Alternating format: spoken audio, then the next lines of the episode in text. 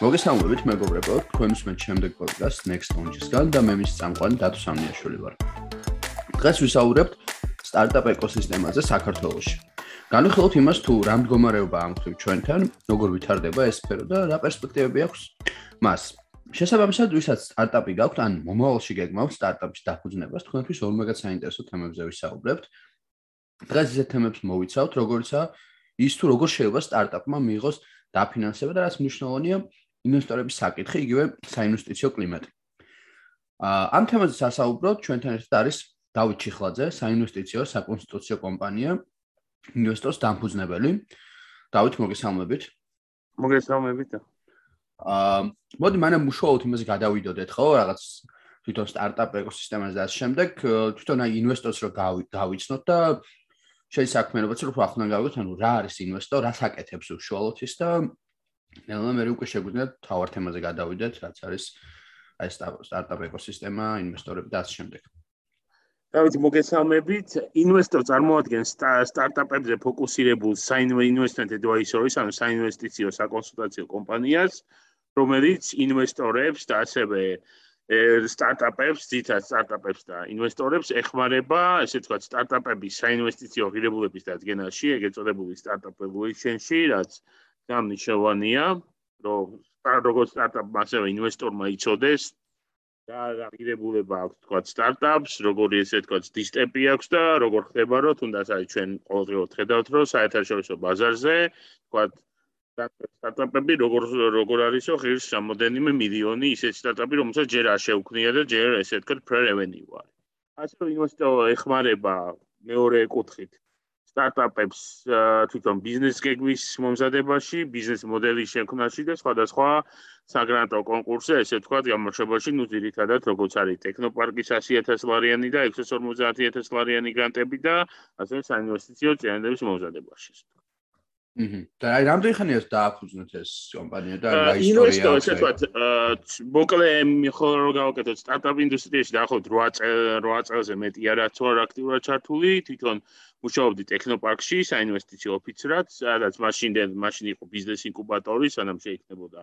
გრანტების თემა, სადაც ჩვენ არსებულ სტარტაპებს, რომელიც შემოდიოდა ბიზნეს ინკუბატორში, მე ეხმარებოდი თვითონ ბიზნეს მოდელის ოპტიმიზაციაში, deck-ის შექმნაში და საინვესტიციო შეფასებაში, სადაც ინვესტემო დღეზე, ესე ვთქვათ, ინვესტორებს უკეთებდნენ წარდგენას, საკუთარ რამოდენიმე დემო დღეზე და ხო 14 სტარტაპისთვის რამოდენიმე მილიონი დოლარი მოვიზიდეთ და ამის შემდეგ მე ვიკავით სხვადასხვა ესე ვთქვათ, რამოდენიმე სტარტაპში,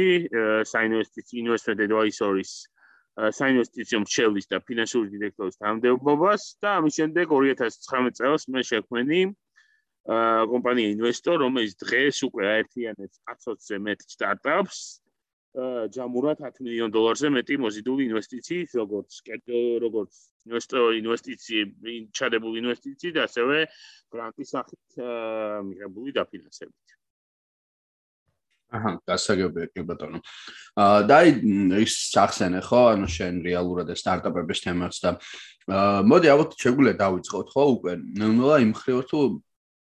როგორ განვითარდა საერთოდ საქართველოს ჩვენთან ეს სტარტაპ ინდუსტრია და როგორ დაიწყო, იმიტომ რომ რამდენიმე წლის წინ ძალიან ბევრი ადამიანმა საერთოდ არ იცოდა სიტყვა სტარტაპი რა და დღეს უკვე 100 ადამიანებს ზოგ სტარტაპიც აქვს თვითონ თავად და აი ეს სფერო როგორ ვითარდებოდა ჩვენთან აი ეს რაც კი ნამდვილად სტარტაპების კი რა თქმა უნდა სტარტაპების თუ ადრეულ ეტაპზე ესე ვთქვათ იყო საკმაოდ ნელი ტემპით ვითარდებოდა ძირითადად იყო ერთ-ერთი კომერციული ბანკი რომელიც შიგნით ქმნიდა თავის სტარტაპებს რომელიც ნუ არ იყო ესე ვთქვათ ფართოდ გაშლილი სტარტაპების განვითარება, ну, რეალურად 2017 წლიდან დაიწყო, როდესაც ტექნოპარკი შეიქმნა და თავიდან ბიზნეს ინკუბატორი შეიქმნა, სადაც მცირე ესე თქვა ფლექსიბლია ეს თვითონ ეკოსისტემა და აქტიურად უფრო ფართო მასშტაბებით 2018 წლის წლიდან ესე თქვა უფრო აქტიურად გაეშვა, როდესაც გაეშვა გრანტების მართლობა, რაც ამიშოვანია სტარტაპებისთვის საწყისი ინვესტიცია, stage real stage seed stage დაფინანსება ეგრეთ წოდებული რომელიც საშუალებას მისცა თქვა ტექნოპარკისგან 100000 ლარიან მაგრამ ბევრ სტარტაპს რო შეექმნა პირველადი MVP პროდუქტი მინიმალური მარკეტინგით და მე დანარჩენი ახლა მოიზიდა 650000 ლარიანი გრანტი ძალიან მნიშვნელოვანი იყო თვითონ ინვესტორებისთვის რომ არის 50 50-ზე თუ ჯიტა აძლევს 650000 ლარიან გრანტს და დამატებით ინვესტორებმაც უნდა მოიზიდოს და ეს ბევრი ინვესტორისთვის ძალიან ძალიან საინტერესო აღმოჩნდა სახის სადება. განსაკუთრებით მნიშვნელოვანი იყო სტარტაპ ეკოსისტემაში 500 სტარტაპის შემოსვლა საერთაშორისო აქსელერატორის რაც კიდევ უფრო ესე თქვა გლობალურ სტარტაპ რუკაზე კიდევ უფრო წინ წავიდა საქართველოს და საკმაოდ მნიშვნელოვანი ინვესტიციები მოიზიდეს სტარტაპებმა და უკვე ჩვენ ყავს ორი სტარტაპი რომელიც არის Y Combinator-ის წევრი და ესე თქვა ყოველწლიურად უფრო იზრდება და იზრდება ესე თქვა თვითონ სტარტაპის მიმართ ან სურვილი ესე თქვა სხვადასხვა მართულებით რომ ახალი სტარტაპები შეიქმნას და ინტერესი ესე თქვა. და ანუ დღეს რეალურად გვაქვს ეს სიტუაცია რომ აქტიობაა ხო საკმაოდ დიდი და აა ანუ ესე იგი ეს მიზეზები ახსენე შენ ახლა რეალურად რომ აი ამ და ამ მიზეზების გამო არის რეალოდაც განვითარდა და აი უშუალოდ დღევანდელ სისტემაზე რა შეგვიძლია ვთქვა რა ანუ რა არის ის რაც სიტყვაზე ხელს უწყობს ამ სტარტაპების განვითარებას კიდე გარდა იმისა რა ეს 500 ახსენე შენ ამ შემდეგ და რა არის მნიშვნელოვანი ზოგადად რომ აი ამ ხრივ ჩვენ ჩვენთან ეს ინდუსტრია განვითარდეს კიდევ უფრო მომავალში უფრო რომ დაიხოცოს კიდე სტარტაპ ეკოსისტემა ძალიან ახალგაზრდა არის რეგიონში საქართველოსში თუ რამოდენიმე წელი არის რაც აქტიურად ესე თქვა აქტიურად დაიქოქა ესე თქვა სტარტაპ ეკოსისტემა არსებობს კიდე რამოდენიმე სხვადასხვა პრეაქსელერატორები რომელიც ცდილობენ შექმნილია angel investor-თა ესე ვთქვათ კლუბი, თუმცა მნიშვნელოვანი არის ძალიან კარგია თქვა ჯიტას მონაწილეობა, ესე ვთქვათ, რომ საწყისი კაპიტალი დადოს გრანტის სახით, მაგრამ ძალიან მნიშვნელოვანი არის, რომ საქართველოსში შეიქმნას ესე ვთქვათ მსხვილი ვენჩორული კაპიტალის ფონდი. ერთ-ერთი ფონდი უკვე ამერიკული ფონდი უკვე კატაპულტი შემოვიდა, მაგრამ საჭიროა ადგილობრივ ბიზნესმენს შექმნას ეგეთ წოდებული თუნდაც corporate venture-ული კაპიტალის ფონდი. სადაც თუ ბევრს თუ ბიზნეს ამის შესახებ ესე თქვა ალბათ კარგათაც აქვს გააზრებული რა არის მაგალითად corporate venture capital ფონდი და მნიშვნელოვანი არის რომ angel investor-ები angel investing-იც რომელიც დღეს მაინც ხდება ინდივიდუალურად მიუხედავად არსებობს ერთ-ერთი ესე თქვა გაერთიანება აქსელი მაინც შეშეთქვა ჩემი გამოცემებიდან და რაც ხდება არის რომ ბევრი სტარტაპი ინდივიდუალურად ცდილობს სტარტაპებზე მორგებულ ადამიანთან გასვლას და ინდივიდუალურად ხდება ამ თანხის დადება და მნიშვნელოვანი არის რომ აი ეს პროფესიონალური angel investor-თა ქსელი კიდევ უფრო დავალ შეიქმნას რომელსაც ექნება სამოყალიბებული ინვესტმენტ თეზისი ანუ სად რა მიმართულების სტარტაპებში დებენ თანხას კარგი იქნება რომ ქართული ვენჩორული კაპიტალის ფონდიც ესე თქვა შეიქმნას და მეტი ჩაითოს და რაც თქვი კორპორატიული ვენჩორული კაპიტალის ფონდი, რომელსაც უფრო განმარტავ, კორპორატიული ვენჩორული კაპიტალის ფონდი არის ესე თქვათ განსხვავებული გამთავარი განსხვავება ცნობრივ ვენჩორულ კაპიტალის ფონდში არის ის, რომ კონკრეტული ბიზნეს მიმართულება ქნის, მაგალითად არის Hewlett Packard-ს აქვს თავისი corporate venture capital-ის ფონდი, სადაც თავისი მიმართულებით, იგივე Google-ს და ანუ ბევრ ესე თქვა სხვა კომპანიას, რომელიც თავისი მიმართულებით დებს სტარტაპ თავისი მართლობის სტარტაპებში აქტიურად ახორციელებს ინვესტიციას და სტრატეგიულ სტარტაპებში თავისთვის დებს ინვესტიციას.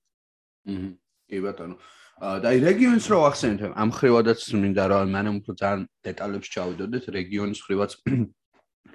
საქართველოს ეს ახალგაზრდაო და ახალ განვითარებულია და ეხა ვითარდება და აი ახლოს რეგიონში რა ხდება ამ ხრივ სიტყვა სამეზობლოში ჩვენ ქვეყნის. აა სამეზობლოში საშორის სომხეთში საკმაოდ განვითარებულია სტარტაპ ეკოსისტემა, სომხეთის რეგიონში არსებობს უკვე ერთი ერთ-ერთი სტარტა ერთი სტარტაპი, რომელმაც არის unicorn-ი, ეგრეთ წოდებული და რომელაც რო ან unicorn-ი არის ის სტარტაპი, რომელიც მილიარდს რომის შეფასება მილიარდს არის გადაცდენილი.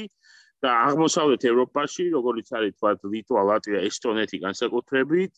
როგორც ესტონეთის ეკონომიკა სწორედ ტექნოლოგიური რევოლუციის შემდეგ ტექნოლოგიური განვითარების შემდეგ განვითარდა, სადაც ერთა Skype, Bolt და ასე შემდეგ მილიარდიანი სტარტაპები, ამიტომ საკმაოდ მაღალ დონეზე არის ესე ვთქვათ განვითარებული, რომელიც როგორც სახელმწიფო ასევე განსაკუთრებით კერძო სექტორის ძალიან დიდი აქტიურობით არის გამოწეული თვითონ სტარტაპებში ინვესტირებით. აჰა, გასაგებია. ეხა უცებ რაღაცა ისე ისე გამიელა თავში რომ პირდაპირ დავიწყეთ ამ საუბარს. ვიღაც შეიძლება გვისმენდეს ესეთი რომელიც წო ნაკლებად არის ჩახედული და თვითონ აი სტარტაპის კონცეფციაც ხო არ აღხსნათ თქო ესეთ რაღაც ვიფიქრე მათთვის ვინ შევა ნაკლებად ერკვეოდეს. ხო ეს ნამდვილად მნიშვნელოვანი საკითხია იმიტომ რომ ხშირად მეც ესე თქვა და აი ჩემი გამოცდილებით მეც გქონია რომ ძალიან მნიშვნელოვანი საკითხია რომ ჩვენ გავყოთ ტექნოლოგიური სტარტაპი დამწყებ ბიზნესისგან იმიტომ რომ ხანდახან ძალიან ხშირი არის როდესაც ჩვენ თქვა რომ აწარმოებთ რაღაც ახალ ბიზნესს ქნით მაგალითად ვაწარმოებთ სხვადასხვა ხისათამაშოებს თქვა რა ვქნით რაღაც სხვადასხვა სიტყვაზე თქვათ ყველაფერს სტარტაპს რო ეძახიან ხო რაღაც მაგას ყველაფერს და იტო სტარტაპის დეფინიცია რო გავაკეთოთ ძალიან რომ გავაკეთოთ ტექნოლოგიურ სტარტაპების დეფინიცია ჩვენი დამწყები ბიზნესისგან რითაც განსხვავდება. პირველი განსხვავება ეს არის რომ ტექნოლოგიურ სტარტაპის წყვეტს კონკრეტულ ნიშნავან პრობლემას, რომელსაც აქვს მასშტაბირება, მსხვილი მასშტაბირების სწრაფი შესაძლებლობა და ძალიან დაბალი ცვლადი დანახარჯები, რომელიც გლობალურ ბაზარზე შეგიძლია გატანა ძალიან მარტივად და რეალურად ცვლადი დანახარჯი აქვს ძალიან დაბალი, რეალურად ძალიან დაბალი. და რაც იწევს, რაც სწორედ აქედან არის გამოწეული სტარტაპების მიმართ ინტერესს, იმიტომ რომ კონკრეტულად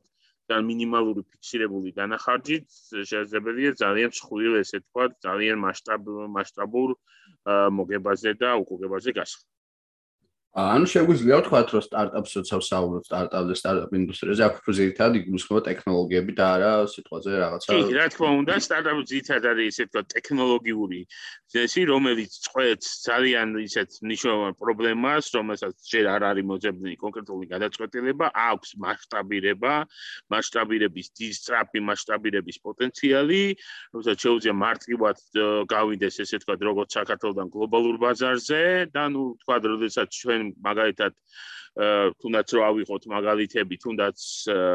სტექის ფეიზის რომელიც უკვე უზბეკეთის ბაზარზეა და ნუ მაგალითად ჩოლებრივი ბიზნესი რო ავიღოთ სიტყვაზე ვთქვათ აა თქვა სხვადასხვა ან ხისათამაშოების ბიზნესი ან რაღაცა გასტრონომიული ბიზნესი ნუ ძალიან ისეთი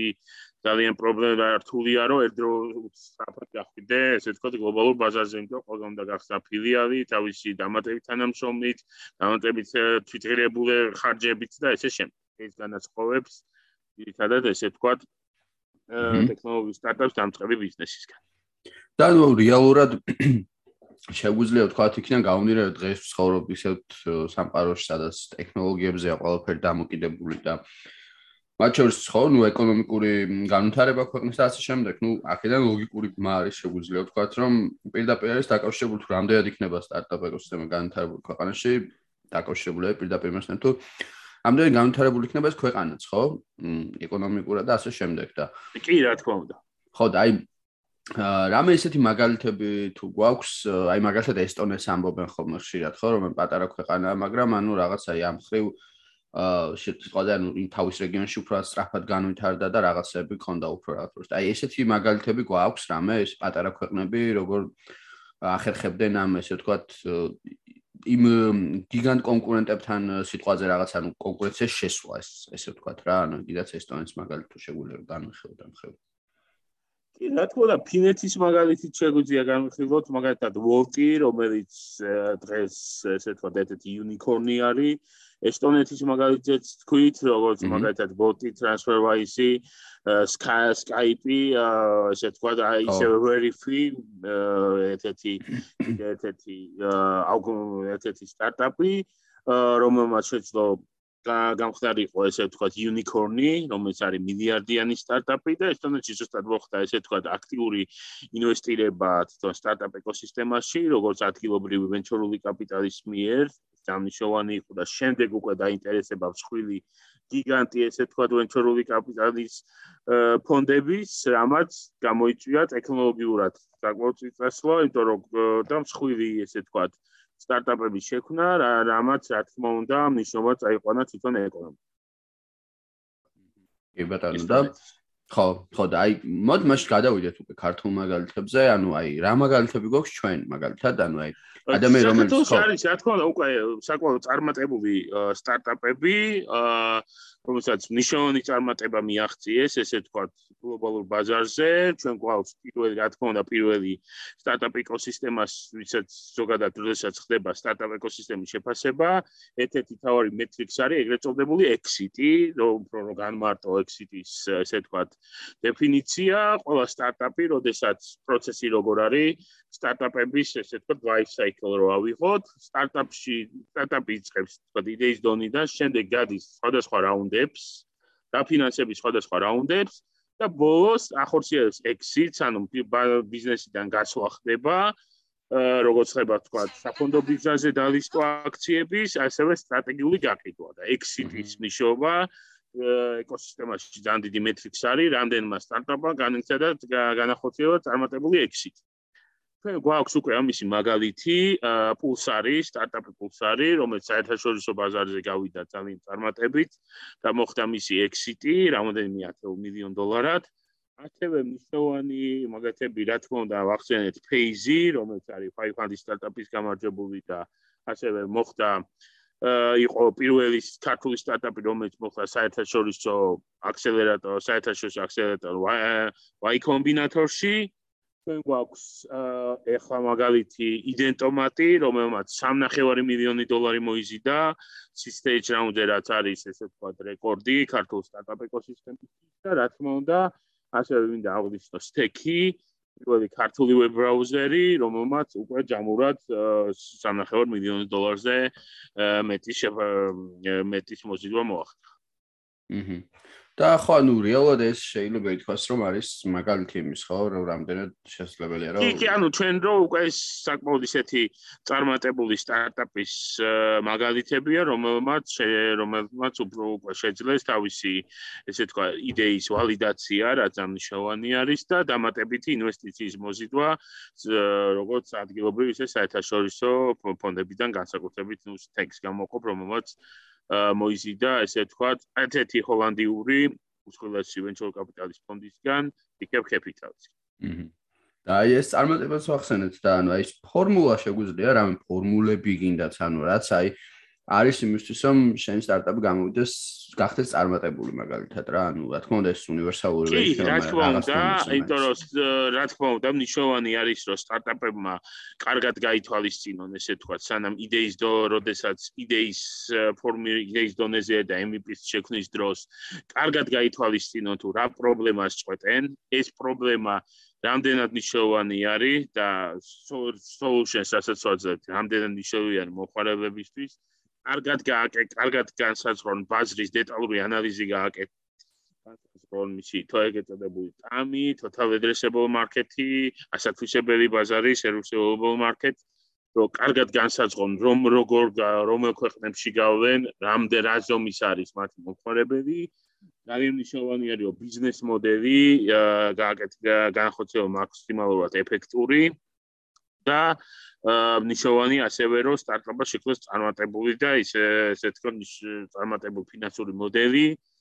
და ინვესტორებს განახებს თავის პოტენციალს რაც ძალიან მნიშვნელოვანი ფაქტორია. ხო, ანუ აი არის და ну ალბათ აი გამოცდილებაც რაღაც დონეზე მოქმედებს იმიტომ რომ ანუ ერთია რომ აი მე მაგათად ვიცანთ მისაუბრია სტარტაპებთან საქართველოს ვინც რაღაც დონეზე შეიძლება ითქვას რომ საკმაოდ წარმატებას მიაღწიეს. ბევრს უთქვამს რომ მათ შემთხვევაში იყო ეს გამოცდილება, იმიტომ რომ პირდაპირ არ დაუწიათ ეს და აი ქონდათ მცდელობები სხვადასხვა კუთხით, გინდა სტარტაპების მხრივ, მაგრამ აი ერთი არა, ორი არა და აი მესამეზე უკვე რო გაქვს გამოცდილება. კი, რა თქმა უნდა, გამოცდილება, რომ ძალიან გამოცდილება, თქმა უნდა მნიშვნელოვანია. მნიშვნელოვანია გუნდი, რომ იყოს გამოცდილი გუნდი და სტარტაპა მაქსიმალურად უნდა მოახერხოს ის რომ გუნდში ესე თქვა თავიდანვე ყავდეს დეველოპერული გუნდი, ესე თქვა ვინც უშუალოდ იზრუნებს პროდუქტის დეველოპმენტზე, მარკეტინგის, ანუ მაქსიმალურად უნდა მოახერხოს შეძლების დაგვარად, რომ ყველა მიმართულება მოიცვას, რომ არ კონდეს ჩავარდნა და რა თქმა უნდა რო რაც შეიძლება ესე თქვათ გამოცდი გუნდი შემოიკრიბოს და ნუ რა თქმა უნდა და ასევე მნიშვნელოვანი არის რომ არ შეეშინდეს ეგეთ წოდებული fails. თორემ საკმაოდ ბევრი სტარტაპია დღეს წარმატებული, რომელსაც ნუ პეტროჯა არ გაუმართლა, მაგრამ შეიძლება მოახდინა თავისი მოდელის შეცვლა, ბიზნეს მოდელის შეცვლა, კარგად დაფიქრდა ესე თქვათ რამდენად იყო ეს რა პრობლემებს ეწყვეტდა და ინვესტორებთან როგორც მიქონდა ესე თქვა თავისი პრობლემა სოლუშენი საინვესტიციო წინადადება სადმე ხო არ უშვებდა შეცდომებს და შემდეგ მოახდინა ამის გამოსწორება. ამიტომ ნიშნავს სტარტაპისო ერთი თავარდნით არ დაიქ ესე თქვა ხელი არ ჩაიქნიოს. კი ბატონო და აი ეხლა რაღაცა ისეთის გამიშდა რა ქრონოლოგიურად რო წარმოვიდგინოთ რა ანუ აი გაჩნდა იდეა გაუჩნდა სმენელს შეიძლება ეს აინტერესებდეს ადამიანს რომელიც ფიქრობს მაგალითად რომ ამ სტარტაპი დაიწყოს ან ახალი დაწყებულებს და შეიძლება რაღაც შევასავით მიიღოს ჩვენგან რომ აა ანუ აი სხვა გაქვს რაღაც იდეა და აი საქართველოსში ხარ და როგორ იწყებს საერთოდ ამის განხორციელება სტარტაპის კუთხით? ანუ რა რა პროცესებს გადიხარ იქამდე რომ თვითონ შექმნა ეს სტარტაპი და მე უკვე შემდეგი ეტაპი რაც არის მაგაზე ცალკე ვისაუბროთ აი ეს დაფინანსების მოპოვების მეთოდები როგორ შეიძლება იყოს და რა გზები არსებობს ჩვენთან ამ ხრივ კი რა თქმა უნდა იდეის ნუ პირველ რიგში როდესაც სტარტაპი ესე თქვა აქვს იდეა პირველ რიგში არის რომ ვფლობს რომ შექმნას გუნდი, ესე ვთქვათ. და ამაში ჩვენ ესე ვთქვათ, ყველა სტარტაპი რომელიც მოდის, ვთქვათ, იდეის დონით და ჩვენ ვეხმარებით, რომ ეს იდეა დავხვეწოთ, ამასაც ერთ-ერთ პირველი რომ ვეხმაროთ, რომ გუნდი, ესე ვთქვათ, აუცილებელია, რომ სტარტაპს შექმნას, ესე ვთქვათ, გუნდი, კარგად განსაზღვროს მისი იდეა, ვალიდაციას რამდენად გაივლის, რა კონკრეტულ პრობლემას წყვეტს და სოლუშენი რა არის გლობალურ ბაზარზე, თუმცა ნიშოვანი არის ერთ-ერთი ფაქტორი, რომ ამ სტარტაპს კონდეს გლობალურ ბაზარზე პოტენციალი. რომ ინვესტორებისთვის ნიშოვანი არის, რომ ეს არ ჩაიკეტოს ესე თქვა თვითონ საქართველოსში და გლობალურ ბაზარზე კონდეს პოტენციალი, ამიტომ ნიშოვანია, რომ ასევე თვითონ სტარტაპმა ძალიან კარგად შეისწავლოს ბაზარი, რომელ ბაზარზე შედიან, შეისწავლოს კონკურენტები, რა რითიან ცხოვრდება და რა აქვს ესე ვთქვათ კომპეგე წოდებული competitive advantage შედარებით უპირატესობა და შეისწავლოს კარგად თვითონ კონკურენტები და ამის შემდეგ დაიწყოს ესე ვთქვათ ამ იდეის უფრო დახვეწა და როგორც თქვი ძალიან მნიშვნელოვანია ესე ვთქვათ გააკეთოს ძალიან დეტალური და სწორი გათვლა აა და ესე ვთქვათ გააკეთოს დაშვებები როგორ უნდა განვითარდეს სტარტაპი, რომელ ქვეყნებში შესაბამისად რომელ ბაზრებზე უნდა შევიდეს და რა რა უნდა შეესთავაზოს ინვესტორს, როგორ უნდა განტო განსაზღვროს რა თანხის ოდენობა ჭირდება სტარტაპს, რომ სხვა ესე თქვა ქვეყნებში და შექმნას MVP, იმიტომ რომ ჩემი გამოცდილება მე ვთქონია იყოს სტარტაპები, რომელსაც უშვებდნენ შეცდომას იმისთვის, რომ თქვა ინვესტორი არ შეშინებულიყნენ, ესე თქვა უფრო დაბალთან ხასი თხოვდნენ, ვიდრე რეალურად ჭირდებოდა და ეს იწევს იმას, რომ ახლა დაბალი დაბალი თანხის მოზიდვას და მე უკვე ხდება ესე თქვათ დაწვა, ესე თქვათ, იმიტომ რომ არ ყოფს უბრალოდ დაფინანსების თემა და ბევრი სტარტაპის დახვეების მიზეზი სწორედ ეს გამხდა. ასევე ჯანიშოვანი არის, რომ აა სპორტშორის საკუთრების იყო ჩამოსული და ახლა ორი თვის წინ სილიკონის ვალის ვენჩურული კაპიტალისტები და რაც აღნიშნეს რომ აი ბევრი სტარტაპი არა მარტო საქართველოს ხო? აქცენტს აკეთებს მარტო რა პრობლემას წყვეტს და აი არ თვითონ pitch deck-ში პრეზენტაციაში ხო არ აკეთებს აქცენტს თუ რას თავაზობს ინვესტორს. თქვა როგორი შემოსავლების პოტენციალი აქვს სტარტაპს რა არის მისი valuation-ი როგორ საინვესტიციო წინადადებას თავაზობს რა უკუგება შეიძლება მიიღოს ინვესტორმა, იმიტომ რომ ცოტა ჭირთ აი ინვესტორსაც ჭირდება ამინაზე ბევრი სტარტაპი არ ელაპარაკი. რაც მნიშვნელოვანია ინვესტორმა რომ გაიგოს ესე თქვა სტარტაპის შესახებ. აი ეს ეს ეს ძირითადად ეს საკითხებია, რაზეც უნდა გაამახვილოს სპორტებას. და ნუ იდეაში ესე იგი ამ ყოველთვის რა ალაგებ, ეს თქვა მე რო გადადიხარ უშუალოდ იმაზე რომ მოიპოვო დაფინანსება, ხო? კი, კი, რა თქმა უნდა, რომ ან ჩვენ დღევანდელი სიტუაციით აი დაფინანსების თემაზე რო გადავიდეთ, რამოდენიმე ძირითადი მიმართულება გავყავთ. ერთი მიმართულება, მნიშვნელოვანი მიმართულება არის თვითონ ტექ ინოვაციების და ტექნოლოგიის აგენტოს გრანტი, რომელიც თითქოს სამი დაფინანსების მიმართულებაა და მეოთ ყველა ეტაპი სტარტაპს მოიცავს. იდეის დონის სტარტაპის შემთხვევაში არის 15000 ლარიანი ესე ვთქვათ, საგრანტო პროგრამა დაფინანსებს, სადაც 15000 ლარიანის პაგებს შექმნათ პროტოტიპი, რომელიც მოიცავს პროტოტიპის დაფინანსებას. მას შემდეგ, რომ ნიშნავენია, რომ შექმნა იმ პროექტში პირველადი პროდუქტი, რომელსაც შემდეგ უკვე გაუშვებ და გატესტავ და ვალიდაციას მიიღებ. შემდეგი ეტაპი უკვე არის 100000 ლარიანი გრანტი, რომელიც კიდე დაგეგმილია რომ გაიზარდოს ოდენობაში. რომელიც მოიცავს უკვე შემდგომი უკვე გაუმჯობესებას და უკვე პირველადი ბეტა ვერსიის შექმნას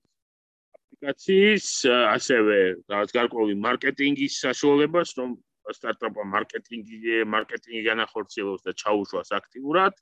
და რა თქმა უნდა 650000 ლარიანი გრანტი, რომელიც ასევე ოდენობა შემდგომში გაიზრდება შემდგომ გრანტებში, რომელიც უკვე მოიცავს სტარტაპის გლობალურ ბაზარზე გაშლის პოტენციალს და ეს პროგრამა როგორც თქვით, ითვალისწინებს სამურად 1.300.000 ლარი, 1.300.000 ლარის ოდენობის ინვესტიციას, სადაც ტექნოპარკი ნახევარს ჩუქნის სტარტაპს და ნახევარ შემთხვევაში შემოდის ინვესტორი. და ეს გამნიშოვანი არის, იმიტომ რომ ბევრი სტარტაპი, რომელიც გამარჯვებულია და ჩვენს პორტფოლიოში მრავლად არის ესეთი სტარტაპები ინვესტორის პორტფოლიოში, ისე როგორ როგორც არის ვთქვათ, B2C, Tech-ი, Phase-ი, რომელმაც ძალიან აქტიურად გამოიყენეს ეს გრანტი და შემდგომი განვითარებისთვის. ესაც შეეხება გრანტების თემას. სტარტაპა მნიშვნელოვანი არის რომ холод გრანტზე რა თქმა უნდა არ გააკეთოს აქცენტი და თუ სიტყვაზე თქვა ვერ გავიდა პროგრამაში აქტიურად გააგრძელოს კერძო ინვესტორებთან მართლობა სადაც ასევე არსებობს ესე თქვა სხვადასხვა ფონდები როგორც angel investing-ის ასევე საერთაშორისო VC ფონდები სადაც ესე თქვა მნიშვნელოვანია სტარტაპა მოახდინოს ესე თქვა საინვესტიციო ცნებები შექმნა და მათთან კომუნიკაცია და ესე ვთქვათ დაფინანსების მოპოვება.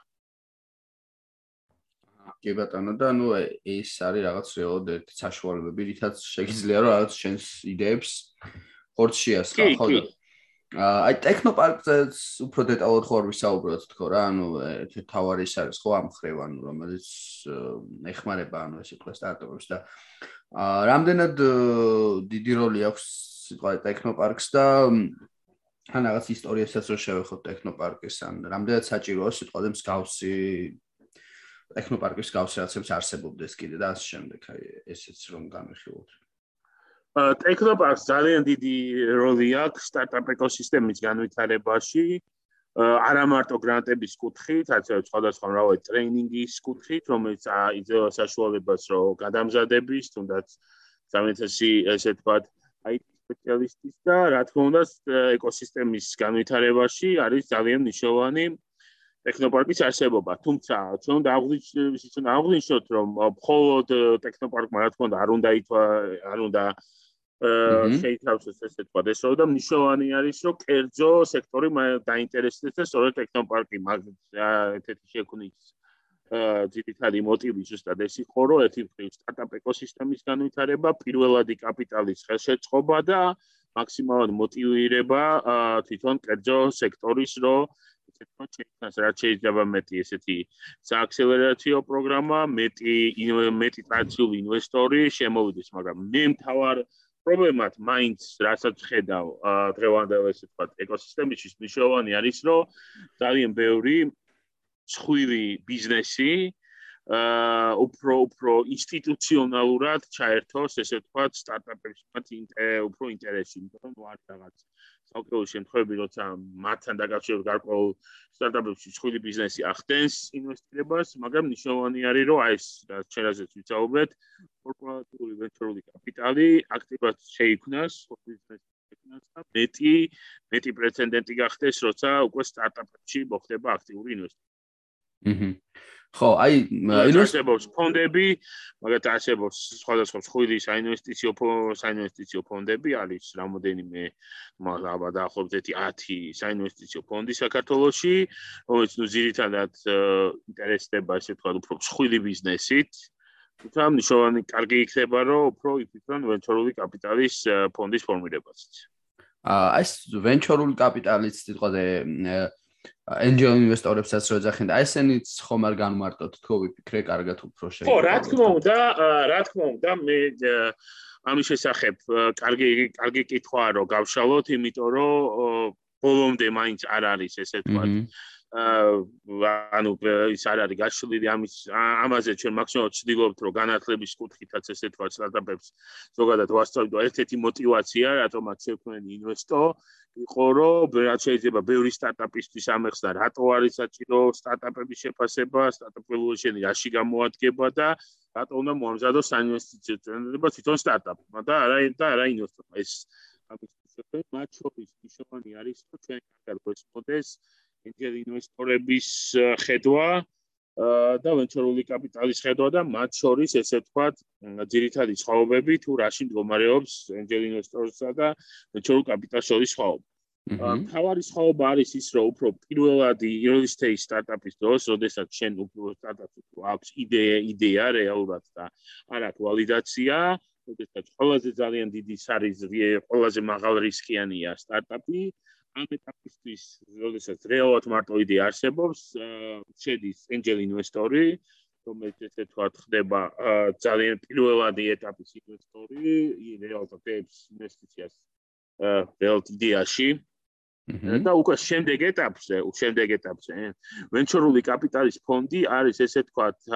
საინვესტიციო ფონდი, რომელიც ორიენტირებულია სარისკო ბიზნეს სარისკო ბიზნესში, როგორც არის სტარტაპები. ოღონდ venture-ული კაპიტალის ფონდი თვითონაც თანხებსაც უფრო მსხვილ თანხებს დებს angel investor-თან. მართებაში მაგალითად angel investor-ის ესე ვთქვათ ticket size-ი თუ არის ასე ვთქვათ 10000 დოლარიდან თქვათ მილიონ დოლარამდე range venture-ული კაპიტალი დებს უკვე და 1 მილიონიდან უფრო ზემოთ. სხვილ ინვესტიციას დებს და უფრო შედარებით შემდეგ ეტაპზე შედის სტარტაპში, როდესაც venture capital-ის ფონდთან რომ მივიდეს სტარტაპი, უნდა კონდეს უკვე traction-ის აწყისი, ესე თქვა, შემოსავლები, გარკვეული რაოდენობა მოხარებების უნდა ყავდეს და უკვე უნდა შექმნა კონდეს გავლილი ვალიდაცია. ეს არის ძალიან ახშიკად იდეის დონის სტარტაპებს შეიძლება და ცდილობენ რომ venture capital-ის ფონდზე გავიძნენ და მიიღო დაფინანსება, როდესაც ნუ რეალ იდეის დონეზე არიან და პროექტი უნდა მაქსიმალურად სადონ, რომ როგორც ესე ვთქვა, გრანტების სახით მიიღონ დაფინანსება, აქსელერაცია გაიარონ და ასევე ენჯელ ინვესტორების აქტიურად გამოიყენენ, სანამ ესე ვთქვა, გადავლენ უკვე VC ფონდებთან. აჰა. კი ბატონო. აა და აი რაღაც კიდე ისეთი მომენტი იყო, აი წარმატებებზე ხო ვისაუბრეთ, მაგრამ აი ძირითადი შეცდომებს თუ უშვებენ ხოლმე რამეს, აი რაც შეხვედრი ხარ მაგალითად სტარტაპერები რა, ანუ რა არის ხოლმე ეს ძირითადი შეცდომები, რაც აუცილებლად უნდა გაითვალისწინო რა, როცა აი ძირითადი კი, ძირითადი შეცდომები, ესე თქვათ, რაც ჩვენი გამოცდილებით, რასაც რაც რასაც ხედავთ, იმიტომ პორტფოლიოში უკვე 100-ზე მეტი სტარტაპი ყავს და ძალიან დიდი ესე თქვათ, საკუთარ ბევრ სტარტაპთან მქონდა თან ბევრ სტარტაპთან ისე ვთქვათ თანამშრომლობდით აქტიურად არის პირველი პირველი პირველი შეცდომა არის ის რომ სტარტაპებს არ აქვთ კარგად კარგად არ აქვთ შესწავლილი ბაზარი არ აქვთ შესწავლილი ვინ არის მათი მომხმარებელი არ აქვთ ფლიანი ბაზარი დაახლოებით რა ზომის არის რომელ ქვეყნებში უნდა გავიდენ ეს ბაზის ანალიზი კარგად არ არის შესწავლილი. ასევე ერთ-ერთი მნიშვნელოვანი შეცდომა არის რომ deck-ის ნაწილზე არ აკეთებენ აქცენტს იმაზე რომ საინვესტიციო წინადადება შექმნან და ინვესტორებისთვის გასაგებენაზე ესე ვთქვათ მოახდინონ deck-ი რაც გულისხმობს რომ რაღის სტარტაპი რა არის მისი შეფასება რამდენი ინვესტიცია არის საჭირო, როგორი შეიძლება იყოს ინვესტორისთვის მაგალითად უგება ექსიტის შემთხვევაში. ეს არის ერთი ალბათ მეორე მნიშვნელოვანი შეცდომა, რომ თვითონ საინვესტიციო არ აკეთებენ აქცენტს გარკვეული სტარტაპები და ნუ მესამე ესე ვთქვათ, მესამე თავარი შეცდომა არის ის, რომ სტარტაპს აღშირად არ აკეთებს გათვლას, ბიუჯეტირებას და ხშირად არის ის, რომ არასწორად საზღვრავს მისთვის საჭირო ინვესტიციას, იმიტომ რომ როდესაც არის შეხვები, როდესაც გადის, მე აღმოჩნდება, რომ არ ყოფნის საჭირო ინვესტიცია, აი ეს ძირითადად ესე თქვა, არის ეს სამ ძირითად თავარ შესომას მე გამოვხდი, რასაც უშვებ. აი, პირად თუ გახსენდება რამე, ხა ისეთი აი სტარტაპი ან სტარტაპი ადამიანი ვიღაც ვინც მაგალითად აი ძალიან მაგარი იდეით იყო და რაღაცა ანუ აი რაღა ის ზუსტად ეს რაღაცები აკლდა ან რაღაც იმიტომ ხო შეიძლება მაგარი იდეა გქონდეს ან ინოვაციური იყოს, სიახლე იყოს რაღაც დონეზე, მაგრამ აი საკუთარი იდეა ვერ აითვისო რა რაღაც დონეზე რა. კი, რა თქმა უნდა, მახსენდება, თუმცა ნუ კონფიდენციალურად გამოვშევიკავებდი და კონკრეტული ხო? დასახელებას, თუმცა რა თქმა უნდა, იყო, რა თქმა უნდა, ჩვენს ჩვენს ესე ვთქვათ, სტარტაპ გამოცებაში იყო ნამდვილად რამოდენიმე სტარტაპი, სადაც იყვნენ ძალიან მაღალი კვალიფიკაციის დეველოპერები, რომელიც ტექნიკურად ძალიან კარგად იცოდნენ ასე ვთქვათ, შესრულება თავის საქმის, მაგრამ ქონდათ პრობლემა, ესე ვთქვათ, ქონდათ პრობლემა თვითონ ამის execution-ში და აი ბიზნეს მიმართულებით ქონდათ ესე ვთქვათ დაკავება გუნჩი, რომ როგორ როგორ განეხორციელებინათ ეს იდეა კომერციალიზაცია როგორ მიეცათ, იმიტომ ძალიან მნიშვნელოვანი არის, რომ ქონდეს ძალიან კარგი იდეა, თუმცა პრობლემა ქონდეს თვითონ ამის ექსეკუცია, ანუ აღსრულებაში და ის რომ სტარტაპი გახდეს კომერციულად, ესე ვთქვათ, მიმზიდველი და მომგებია. აჰა. ეს არის ჯამნიშო. ამიტომ ზოგადად სტარტაპებს კიდე ერთხელ რასაც უჩევდი, განსაკუთრებით ისეთ სტარტაპებს, რომელიც დამფუძნებები არიან თვითონ, ანუ ტექნოლოგიური მეთოდებით, დეველოპერები, მნიშვნელოვანი არის, რომ გუნდში, ესე ვთქვათ, მოიძიონ, ესე ვთქვათ, როგორც პარტნიორად ან მართლებით ისეთი ადამიანები, რომელიც აი ბიზნესის განვითარებაში, ესე ვთქვათ, აქტიურად იქნებიან ჩართული და სტარტაპს მისცემენ მისცემენ გზას, როგორ მოახდინონ კომერცია, როგორ გახდეს, ესე ვთქვათ, კომერციულად მომგებიანი და თვითონ როგორ როგორ გაიცანდეს კომერციები. რა გამიშოვანი. აა ეხა ის იდეაზე რო ვთქვით, რომ წარმოთ, კარგი იდეა, მაგრამ რო ვერ ახორციელებ, ხო აი ხშირია ხოლმე ესე აი გინდაც დაფინანსებას რო იღებენ სიტყვაზე გინდაც გინდაც ტექნოპარკისგან რომ იღებენ და აა რა ნუ ფეილდებიან რა ნუ ეს დაფინანსება აიღო მაგრამ ნუ ვერაფერი რა ვერაფერი ვერ შეძლო ესე თქვა თან ნუ ზოგადად გლობალურად რო ვთქვათ გლობალურად რო ვთქვათ არის ესეთი ესეთი პრინციპი არის სეკოია კაპიტალს მაგალითად აქვს ესეთი ფორმულა გაკეთებული, რომელიც არის 100-10-1. ანუ რაც ნიშნავს, რომ ყოველი 100 სტარტაპიდან 10 აგრძელებს ესე თქვა ფუნქციონირებას, წისვას და იმ 10-დან ერთი ხდება, ესე თქვა, ერთი შეიძლება გახდეს unicorn, ანუ ყოველ 100 სტარტაპიდან ზოგადად სტარტაპებში, სტარტაპის ინდუსტრიაში ფეილი რა თქმა უნდა ძალიან მაღალია, თუმცა რა თქმა უნდა არის გარკვეული სტარტაპების რომელსაც ძალიან დიდი წარმატება განიცადა, აა მოთი სტარტაპები, თუმცა არის რა თქმა უნდა სტარტაპები, რომელიც სხვადასხვა როგორც გარე ისევე თავში და ფაქტორებმა, ესე ვთქვათ, რა თქმა უნდა განიცადეს ფეილი. ეს სტარტაპები რა თქმა უნდა არის. და აი კიდე მაგედან გამომდინარე ინვესტორების თემამ დამაინტერესა, ანუ აი კერძო ინვესტორი მაგალითად რაღაც რომელიც სიტყვაზე ამ ყოველფერში ფულს დებს, ხო? შენ შემთხვევაში სიტყვაზე შენ გაქვს სტარტაპი ჩადოფული.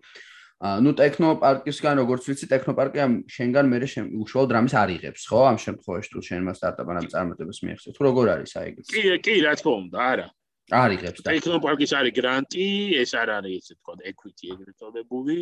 ანუ ტექნოპარკი თვითონ რა თქმა უნდა არ შედის ესე თქვა წილობრივ ნაწილში რა თქმა უნდა არ შედის თუმცა ანუ კერძო ინვესტორი შედის, ხო და ამ შემთხვევაში კი, რა თქმა უნდა, ანუ კერძო ინვესტორი რა თქმა უნდა შედის, ამიტომ მე ამიტომ ანუ და თქვი რომ ძირითადად ჩვენ რაშიც ვეხმარებით სტარტაპებს, გრანტების და ესე თქვა არის თვითონ აი valuation-ი რომ სტარტაპა ძალიან სწორად განსაზღვროს რამდენი წილი უნდა დაუთმოს ინვესტორს და როგორი უნდა იყოს შექმნას წარმატებული term sheet-ი ინვესტორს რა უფლება აქვს ესე თქვა და როგორი ჩართულობა ექნება ინვესტორს თვითონ სტარტაპის განვითარებაში, ეგეც წოდებული თვითონ board city, სადაც შედის თქვა თვითონ მენეჯმენტში თუ ეს ეს მნიშვნელოვანია რომ გასაძლოს როგორც სტარტაპმა, ასევე ინვესტორმა. და ასევე ძალიან მნიშვნელოვანი არის ერთ-ერთი თავარი თემა, სადაც და გამახო ყურადღება რომ სტარტაპმა უნდა გასაძლოს ის რა სჭირდება მას კონკრეტული მონაწილე კონკრეტული მოცემულობისთვის, ეგეც წოდებული smart money თუ ან სმარტმანის განსაზღვრა ისეთი ინვესტორი, რომელიც არა მარტო თანხობრივად, არამედ თავისი რესურსებით, მოსიმით რომ თავისი ეგეთ წოდებული კავშირებით შეძლებს ამ სტარტაპის დამატებით განვითარებას მნიშვნელოვნად წინწყვანას, თუ ესეთება უფრო თანხის თემა, იმიტომ რომ არის მაგალითად შემთხვევები, როდესაც სტარტაპს აქვს რამოდენიმე ესე თქვა ოფცია ინვესტიციების, მაგრამ კონკრეტულ შემთხვევაში იღებენ უფრო შედარებით თქვა უფრო ნაკლებად მიმზიდო ფინანსურად მიმზიდო ოფციას, მაგრამ შემოყავს ისეთი ინვესტორი, რომელიც ძალიან ბევრ მის წარმატებას მნიშვნელოვნად განსაზღვრავს თავის სტატუსით, კავშირებით და ესე შემდეგ. ამიტომ წყალდამა ზუსტად უნდა განსაზღვროს კონკრეტული ეტაპის დროს აი რა რაოდენობის ინვესტიცია ჭირდება და როგორი ტიპის ინვესტორი ჭირდება კიდევ ესეთი ინვესტორი რომელიც პასიური იქნება და ხოდ ინვესტირებას განახორციელებს. თუ ჭირდება ისეთი ინვესტორი რომელიც ესე თქვათ აქტიურად იქნება ჩართული თვითონ სტარტაპის განვითარებაში. აჰა კი ბატონო ხო ეგ მნიშვნელოვანია. აა და ანუ აქედან გამომდინარე შეგვიძლია ვთქვათ რომ რაღაც დონეზე ანუ ეს ეს როლი აქვს სიტყვაზე კერძო ინვესტორს ხო მაგრამ მ ამდენ რთულია ხოლმე სიტყვაზე კერძო ინვესტორისგან უფრო დაფინანსების მიღება. ან თუ აი აი რა განსხვავებებია ხოლმე მაგალითად კერძო ინვესტორი როდესაც გაძლევს დაფინანსებას და სიტყვაზე ტექნოპარკის მსგავსი გრანტი რო არის ანუ აი არის ხოლმე რამე რაც აი იმის უნდა აკმაყოფილებდე ესე სიტყვაზე და ამას ამხრივ უნდა აკმაყოფილებდე რამე ძირითადი გამორჩევები შეგვიძლია. აა რა თქმა უნდა გეტყვით რა თქმა უნდა ნუ პირველ რიგში რო განსაძროთ გრანტების მიმართულებაზე რა თქმა უნდა არის მაღალი კონკურსი რომელიც ყოველდღიურ ყოველწლიურად იზრდება ფაქტობრივად ნუ ჩვენ პირველ წელს თუ იყო საშუალოდ ანუ ჩემში თუ ამ თუნდაც 100000 ლარიანი გრანტი რო ავიღოთ 20 გამარჯვებული ყავს 20 სტარტაპი არის გამარჯვებული რომელსაც გადაეცემა 100000 ლარიანი გრანტი და ნუ პირველ ეტაპზე თუ შემოდიოდა თქვა 100 100 150 განაცხადი ბოლო წელს 300 არის გადაცდენილი და რა თქმა უნდა კონკურსი ესე თქვა მაღალია რომ მოხდე 20 ნუ პირველში 40-ში რომ პირველი ეტაპი გადავახო და შემდეგ უკვე საერთაშორისო ინვესტორების ჟიური, რომელიც საერთაშორისო ინვესტორებისგან არის დაკომპლექტებული, ესე თქვა, მოაწონო და დაუსაბუთო შენი სტარტაპის ინოვაციურობა. და რა თქმა უნდა, საკმაოდ მაღალი არის, რა თქმა უნდა, თვითონ კონკურსი, თუმცა რა თქმა უნდა, კერძო ინვესტ კერძო ინვესტიციების მოზიდვაც, რა თქმა უნდა, საკმაოდ იმიტომ რომ გლობალურ ბაზარზეც ჩათვალოთ ფაქტობრივად განსაკუთრებით თუ საერთაშორისო ინვესტორებზე საუბარია ჩვენ უწევთ გლობალურ ბაზარზე კონკურენციას სხვა სტარტაპებს და მნიშვნელოვანია რომ დავანახოთ ესე თქვა ინვესტორს ჩვენი პოტენციალი ინოვაციურობა გუნდი რომელთაც ფასდება ინვესტორას აქცევს ყურადღებას არის რამდენად ინოვაციურია სტარტაპი და მნიშვნელოვან პრობლემას წყვეტს რამდენად გუნდი კვალიფიციურია რომ შეძლებენ ესე თქვა ამ ინვესტიციის მოპოვების შემდეგ ამის ეფექტურად მართვას რამდენად დიდ ბაზარზე დიდ ბაზარზე გადის და პოტენციალი აქვს ესე თქვა შემოსავლების იმერების და რა თქმა უნდა რამდენად სწორედ არის შექმნილი ეს თვითონ საინვესტიციო წინები კი ბატონო, კი ბატონო, ეგეც გასაგებია. აა და რავი, აი სადღაც ალბათ შეგვიძლია ნელა ბოლოსკენაც წავიდეთ, უბრალოდ აი ის თემა არის, რომ აი თვითონ ინვესტორს ხრიდან რამე ისეთ კონკრეტულ რაღაცას ხوار გაიხსენებდით, ხო, ან უშუალოდ თქვენ თანამშრომლობას სიტყვაზე სტარტაპებთან, ანუ აი ესეც საინტერესო იქნებოდა ალბათ და მე აქედან ალბათ უკვე ბოლოსკენ შეგვიძლია უშუალო რჩევებიც, რამე რეკომენდაციები იმ მსმენელისთვის, რომელიც უკვე აპირებს რომ დაიწყოს. იდეაში მაგას ვაკეთებ თელ პოდკასტია, მაგრამ საერთოდ მე უფრო შევაჯამოთ სახით ვამბობდი და ცემა შეგვიძლია ალბათ ასრულს გავწავიდეთ. კი, რა თქმა უნდა, აი როგორც შევთქვით უკვე ასადზე მეტი სტარტაპს დავეხმარეთ, განსაკუთრებით თქვა 650000 ლარიანი გრანტი მოგებინეთ ფეიზის, რომელიც ერთ-ერთი წარმატებული სტარტაპი, ასევე კვალიფიკას, ერთ-ერთი კვალიფიკაციის სტარტაპის ფინალის, ბოლო ტრანზაქციაც იყო ჩვენ CityPay.io-ს მოვეხმარეთ, სადაც ჩვენი შეფასების საფუძველზე 500000 დოლარის ინვესტიცია მოიზიდეს, ასევე გამოყობდი B2C-ს, რომელიც ერთ-ერთი წარმატებული სტარტაპია და ჩვენ 650000 ლარიანი გრანტი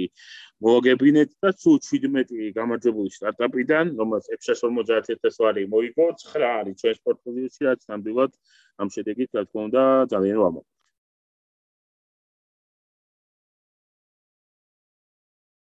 ბოდიში ხო რაღაცა გაითიშა ეს ხმა.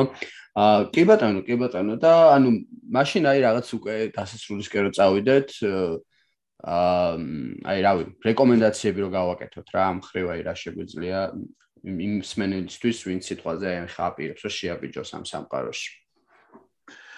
რეკომენდაციები პირველ რიგში, რასაც ესე თქვა, თავ რეკომენდაციებს, რასაც ვიცი რომ კარგად ესე თქვა, გააკეთონ და რა პრობლემებს ყვეთს კონკრეტული ესე თქვა კონკრეტული სტარტაპი იფიქრონ გუნდის ფორმირებაზე და არა ის რომ შეეცადონ მაქსიმალურად რომ თქვა თუ აქვს შესაძლებლობა equity და თქონ და სხვადასხვა ისეთი წევრების შემოიერთონ რომელიც დეველოპმენტის მიმართულებით. განვითარებაში დაეხმარებიან და იფიქრონ, რომ აი ეს ინვესტორებთან, ესე თქვა, სწორი საინვესტიციო წინადადების მომზადებაში, რომ მომზადონ სწორი საინვესტიციო წინადადება, ну, რაში ჩვენ ვეხმარებით აქტიურად, მაგრამ ყველაზე მნიშვნელოვანი მაინც არის, რომ კარგად სანამ ესე თქვა, სტარტაპის